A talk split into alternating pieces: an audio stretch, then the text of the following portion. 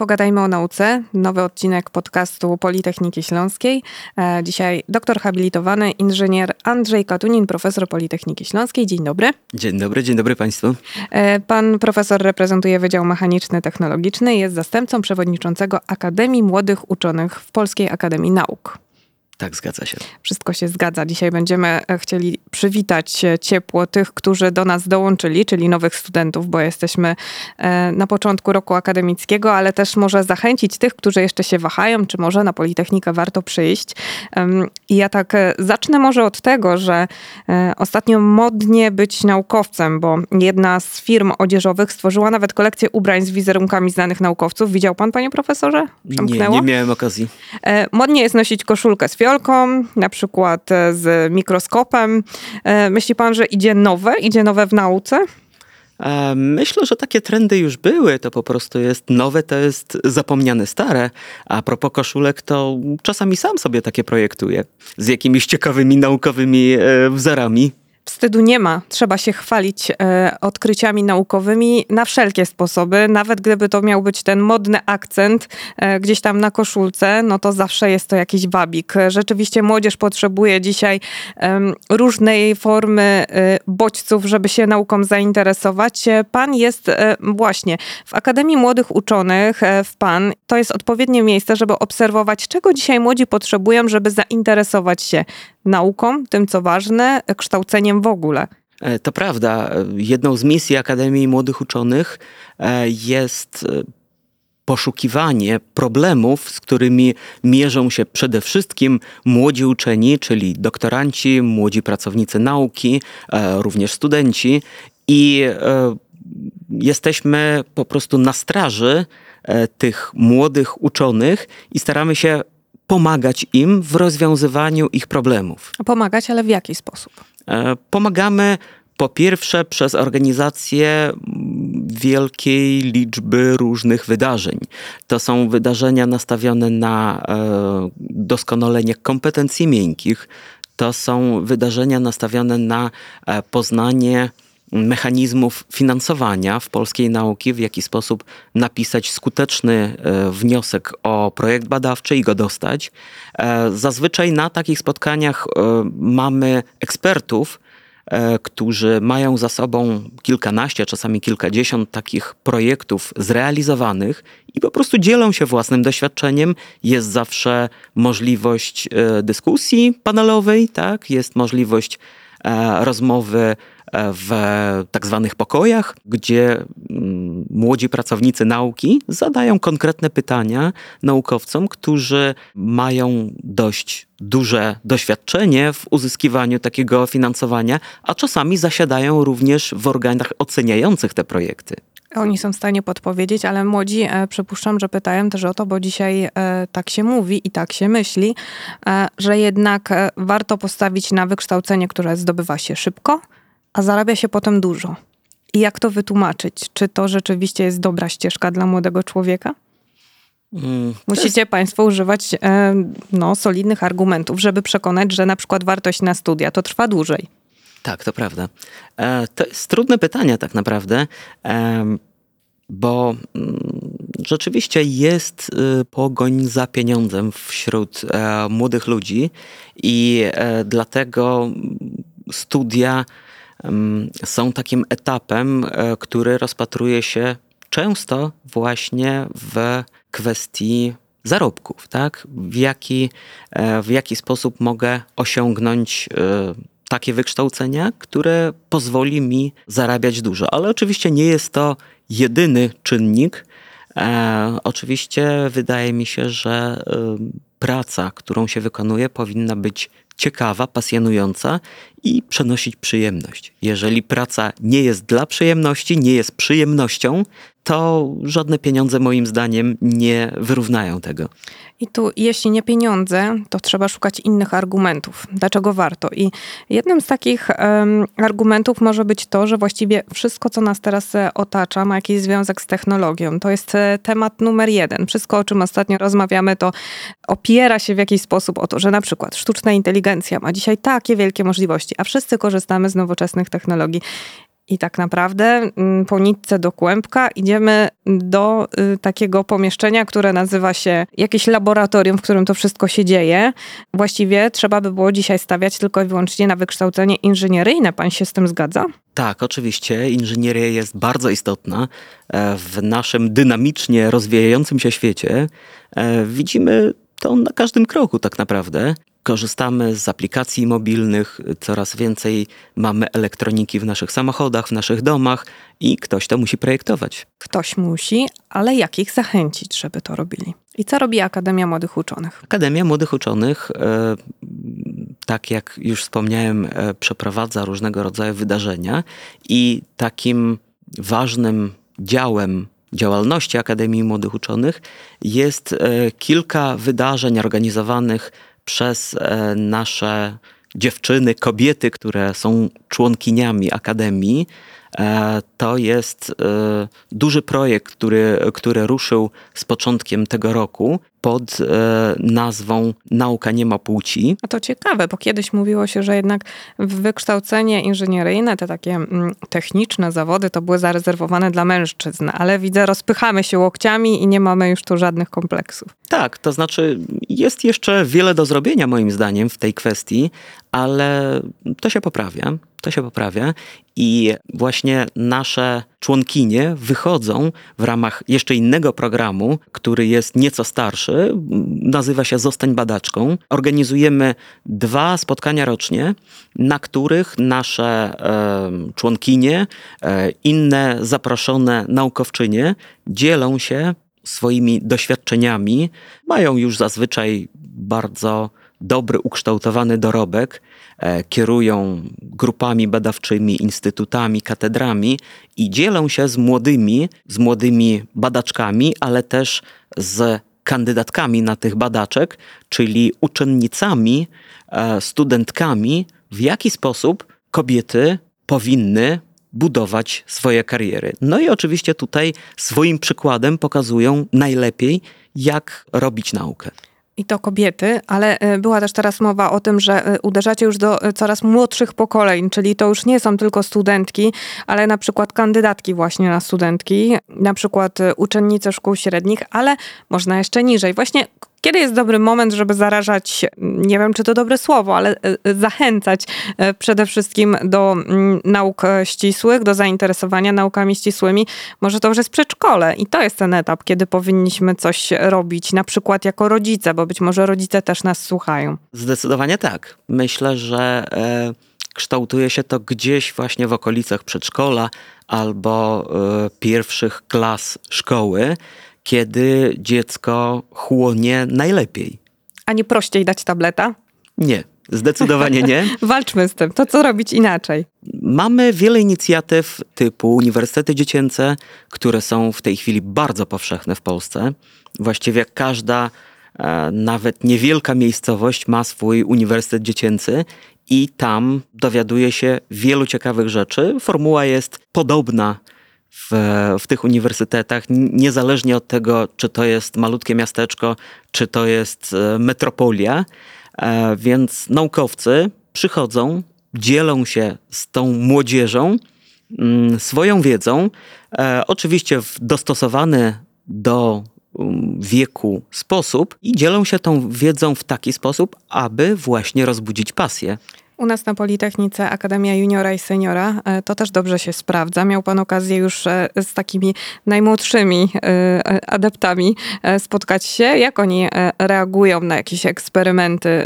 Co tam jest takim najciekawszym elementem? Bo być może jesteśmy w stanie to zrobić już też jako rodzice w domu i zainteresować młodego człowieka. Co trzeba zrobić, żeby on powiedział, mhm, nauki ścisłe, ciekawa sprawa. Miałem oczywiście możliwość prowadzenia zajęć dla różnych grup wiekowych. E, nawet dla sześciolatków prowadziłem wykłady. W uniwersytetach dziecięcych jestem zaangażowany od ponad 10 lat i to jest rzeczywiście bardzo trudne utrzymać uwagę dziecka, zwłaszcza małego dziecka, a e, po drugie też e, rozbudzić tę pasję, ale wydaje mi się, że e, udaje mi się to.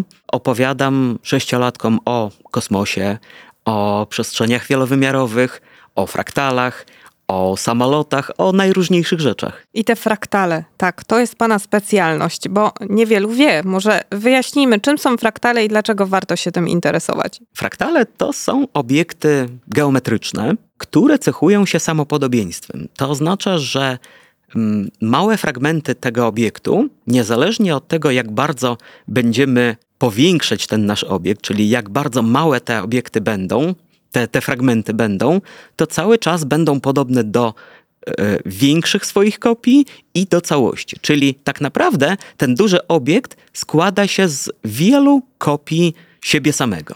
I co to ma wspólnego z naszym życiem codziennym? Hmm. Z naszym życiem codziennym mamy mnóstwo przykładów tych fraktali, chociażby takiego fraktala nosimy ze sobą w kieszeni na co dzień. To jest telefon komórkowy, gdzie mamy antenę, kształcie fraktala. To jest e, dywan Sierpińskiego, tak się nazywa ten fraktal, e, w kształcie którego jest antena. No i to nam pozwala na e, upakowanie anteny, która odbiera na różnych pasmach częstotliwościowych, w pewnym niewielkim pudełeczku, którym jest nasz telefon. A dzięki temu możemy dzwonić na przykład do Stanów Zjednoczonych, gdzie pasma częstotliwościowe są inne niż w Europie i ta łączność działa. No proszę. E, więc jeśli jeszcze ktoś ma jakieś pytania do pana profesora, to e, za chwilę okaże się, że e, każda rzecz, którą państwo tutaj na Politechnice się zajmują, jest no niemal mm, w naszym domu na wyciągnięcie ręki. No taka jest prawda. Natomiast jeśli chcemy się tym zajmować na co dzień, powinniśmy właśnie poszukiwać wiedzy. Dzisiaj w internecie tej wiedzy jest ogrom, ale gdzie są dobre miejsca, mm, żeby mm, znajdować taką wiedzę fachową. I pytam o to pana jako przedstawiciela, panu jako przedstawiciela Akademii Młodych Uczonych. W jaki sposób młodzież sama mogłaby tą wiedzę sobie poszerzać? blogi, wideoblogi, influencerzy, tych twórców internetowych, którzy zajmują się takimi tematami poważnymi, jest niewielu. Mamy dosyć dobrze rozwiniętą na chwilę obecną popularyzację nauki w kraju. E, mam wielką przyjemność zasiadać w jury konkursu Popularyzator Nauki. Już od sześciu bądź siedmiu lat e, oceniam popularyzatorów. Sam kiedyś taką nagrodę otrzymałem, a teraz oceniam e, popularyzatorów całego kraju i muszę powiedzieć, że sytuację w kwestii popularyzacji mamy coraz lepszą. Mamy e, centra naukowe, oczywiście Centrum Nauki Kopernik w Warszawie, ale oprócz Warszawy praktycznie w każdym większym mieście takie centrum w tej chwili działa. To jest doskonała okazja, żeby mm, przyjść i zobaczyć, różne zjawiska fizyczne, zobaczyć jak działają różne mechanizmy. To jest doskonała okazja też porozmawiać, posłuchać wybitnych popularyzatorów, bo w tych jednostkach jest wielu pasjonatów, którzy rzeczywiście opowiedzą w sposób przystępny, ale z wielką pasją o różnych zjawiskach fizycznych. Również u nas na Politechnice Centrum Popularyzacji Nauki organizuje ogromną ilość różnych wydarzeń. To jest Politechnika Juniora i Seniora, o której pani już wspominała, e, ale oprócz tego jest mnóstwo innych wydarzeń, które są nastawione na właśnie pogłębianie wiedzy i to przez osoby, które na co dzień nie mają styczności z nauką. Noc naukowców e, Politechniki Śląskiej to był taki przykład, gdzie mogliśmy zobaczyć no, tłumy zainteresowane tym, co się u nas dzieje w laboratoriach, e, zainteresowanych e, wzięciem udziału w warsztatach, ale będą kolejne okazje, bo to, co było, to już trudno, no, nie nadrobimy. Dopiero za rok kolejna edycja Nocy Naukowców, ale co przed nami? Gdzie można się pojawić na przykład z dzieciakiem albo ewentualnie przyszły kandydat na studia może przyjść, zapytać e, zauważyć, czy to rzeczywiście jest temat dla niego i czy on się odnajdzie na Politechnice Śląskiej. Gdzie kolejne okazje? W moim kalendarzu jest jeszcze inauguracja roku, roku akademickiego w Rybniku, w naszych politechnicznych jednostkach w Rybniku. E, tam to się odbędzie 30 października i tam będę miał e, krótki wykład na temat e, lotnictwa i też wykład ten będzie połączony z wystawą e, zdjęć e, samolotów, e, które, które wykonał mój kolega z katedry, Daniel Pająk.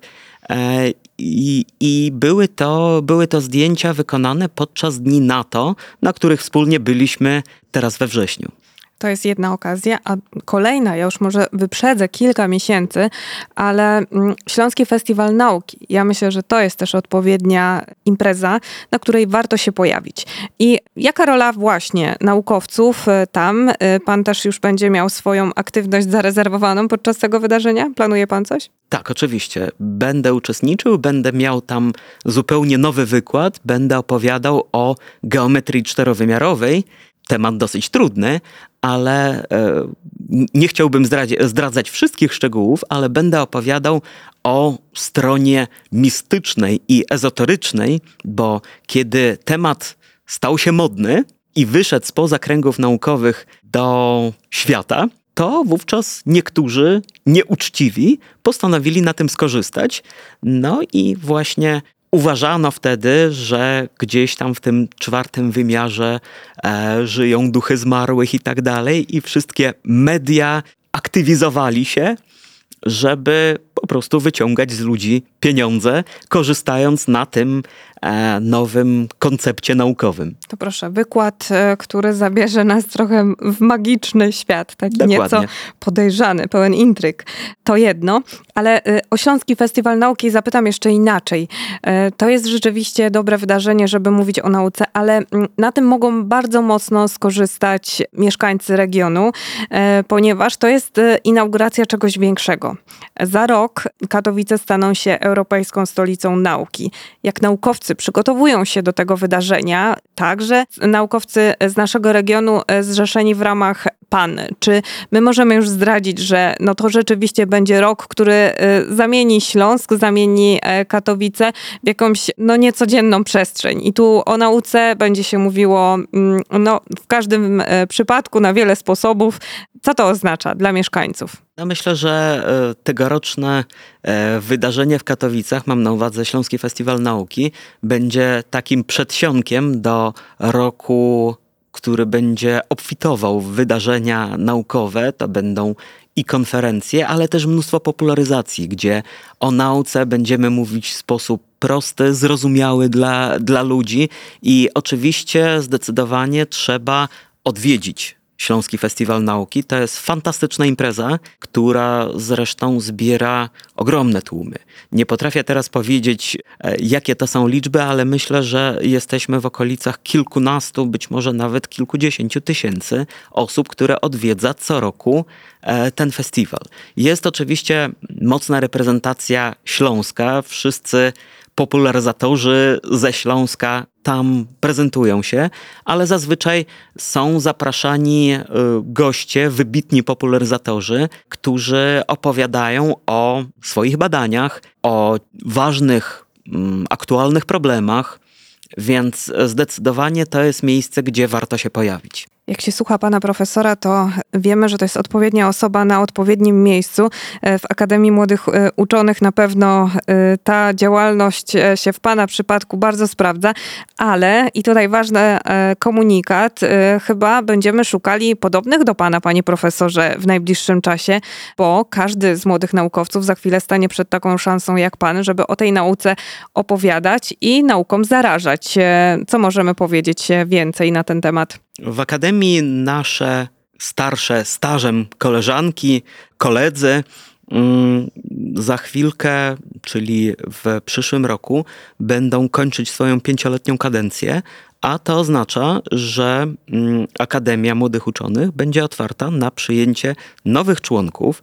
I e, tutaj dobrze by było, gdyby też z naszej Politechniki pokazały się na tych listach e, kandydatów osoby, które również e, mogłyby działać w tej akademii. Warunkiem jest chęć robienia dobrej roboty w kwestii polityki naukowej i popularyzacji. Popularyzacji, bo nie tylko, nie tylko samą popularyzacją zajmuje się Akademia, również wydajemy mnóstwo opinii, wydajemy um, zalecenia, współpracujemy ściśle z takimi organizacjami jak Narodowe Centrum Nauki i um, nieraz nasze opinie, nasze mm, propozycje zostały pozytywnie rozpatrzone przez NCN i dzięki temu mieliśmy realny wpływ na wprowadzenie zmian w regulaminach konkursów. Właśnie, to nie jest już e, postarzały system i to dosłownie, potrzeba świeżej krwi. E, wy jesteście w stanie wpłynąć na to, żeby ta nauka szła innym torem, była e, bardziej dostępna, było mniej papierologii, mniej formalności? Cały czas staramy się to zrobić. Bo to może zniechęcać młodego naukowca. To prawda. Porozmawialiśmy trochę dzisiaj o nauce. Myślę, że zachęciliśmy tych, którzy jeszcze się wahają, czy warto się kształcić na Politechnice i czy warto kształcić się y, w naukach ścisłych. Chyba y, nie mamy nic więcej do dodania w tym temacie, tylko po prostu trzeba przyjść i spróbować. Każdy się odnajdzie w tym środowisku, panie profesorze? Z pewnością. Dobrze, bardzo dziękuję. Moim i Państwa gościem był profesor Andrzej Katunin. Dziękuję bardzo. Do usłyszenia.